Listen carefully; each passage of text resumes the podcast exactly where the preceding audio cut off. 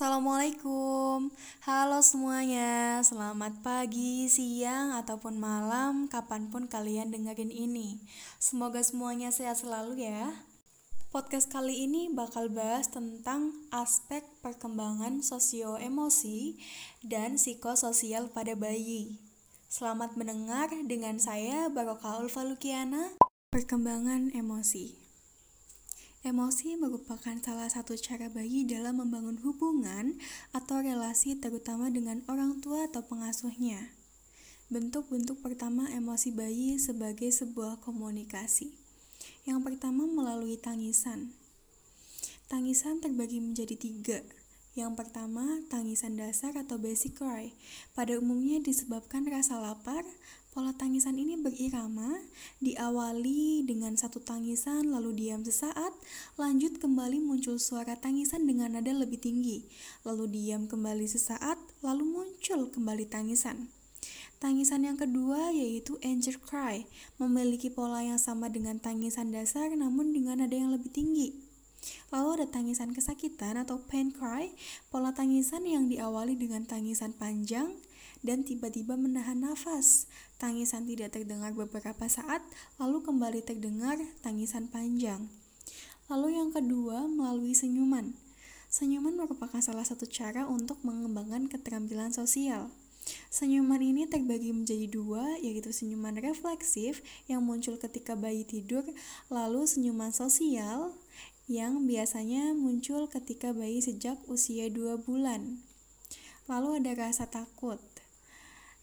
Emosi takut yang paling sering ditunjukkan oleh bayi adalah kecemasan terhadap orang asing yang mulai muncul ketika anak berusia 6 bulan, lalu semakin kuat ketika berusia 9 bulan hingga 1 tahun.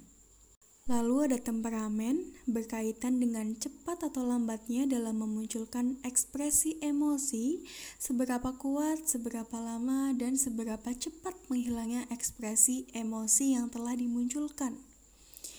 Tipe-tipe temperamen ini ada tiga, yaitu easy child, suasana hati yang positif dan mudah beradaptasi dengan pengalaman-pengalaman baru. Yang kedua ada difficult child, bereaksi secara negatif, sering menangis, lambat menerima pengalaman-pengalaman baru. Yang ketiga ada slow to warm up child, aktivitas rendah, terkadang negatif dalam merespon, dan suasana hati yang rendah intensitasnya. Temperamen anak ini dipengaruhi oleh faktor genetis dan lingkungan.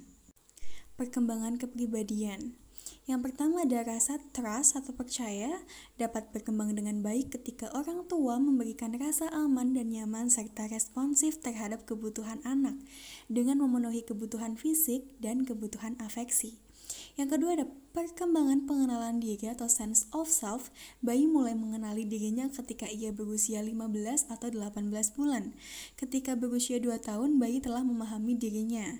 Yang ketiga, kemandirian berkembang seiring dengan kemampuan motorik yang semakin kuat dan rasa ingin tahu yang besar untuk mengeksplorasi lingkungannya. Psikososial pada bayi bayi telah memiliki ketertarikan dalam interaksi sosial ketika ia berusia 2 bulan. Bayi akan merespon ketika ia diajak bermain tatap muka yang penuh ekspresi positif. Usia 6 bulan, bayi tertarik untuk berinteraksi dengan sesama bayi. 7 bulan telah mampu mengembangkan atensi bersama. 12 bulan bayi mampu mengarahkan atensi orang lain pada objek yang menarik perhatiannya. Usia 14 bulan, bayi mulai melihat ke arah orang tua atau pengasuhnya untuk mengetahui respon melalui ekspresi wajah. Lalu pada usia 18 bulan sampai 24 bulan, bayi tertarik untuk bermain bersama teman sebayanya. Seiring dengan berkembangnya kemampuan motorik anak, maka motivasi akan semakin besar untuk mengeksplorasi lingkungan secara mandiri dan berinteraksi dengan lingkungan sosialnya. Lalu ada empat tahapan kelekatan pada bayi. Yang pertama, 0-2 bulan, bayi mudah untuk dekat dengan siapa saja, bahkan dengan orang asing. 3-7 bulan, kelekatan mulai berfokus pada satu individu, biasanya pengasuh utama. Lalu 7-24 bulan, seiring dengan kemampuan motorik yang semakin kuat, bayi akan menjalin kontak dan kedekatan dengan orang tua atau pengasuh figur lekatnya. 24 bulan dan seterusnya, anak semakin mampu mengenali emosi dan perasaan orang lain, serta semakin peka dengan tujuan atau rencana yang dimunculkan oleh orang lain.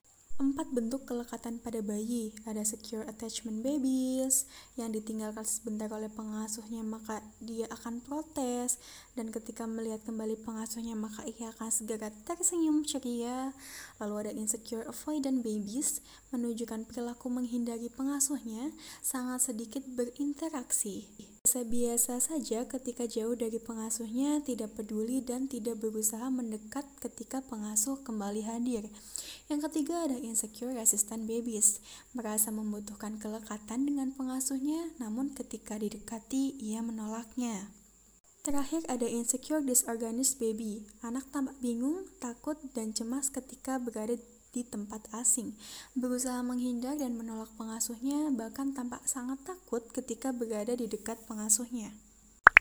Kesimpulannya, pengasuhan yang positif, penuh perhatian, dan kasih sayang akan membuat anak merasa nyaman dan aman, sehingga mampu mengembangkan kelekatan yang aman dan menyenangkan dengan pengasuhnya anak akan tumbuh menjadi pribadi yang percaya diri, mampu meregulasi dan mengendalikan emosinya, serta memiliki pandangan yang positif terhadap lingkungannya, sehingga kemudian ia mampu menjalin interaksi sosial yang baik dengan orang-orang sekitarnya. Terima kasih sudah mendengar penjelasan aku sampai habis. Semoga bermanfaat. Apabila ada salah kata, mohon dimaklumi dan dimaafkan. See you next podcast. Bye. Assalamualaikum.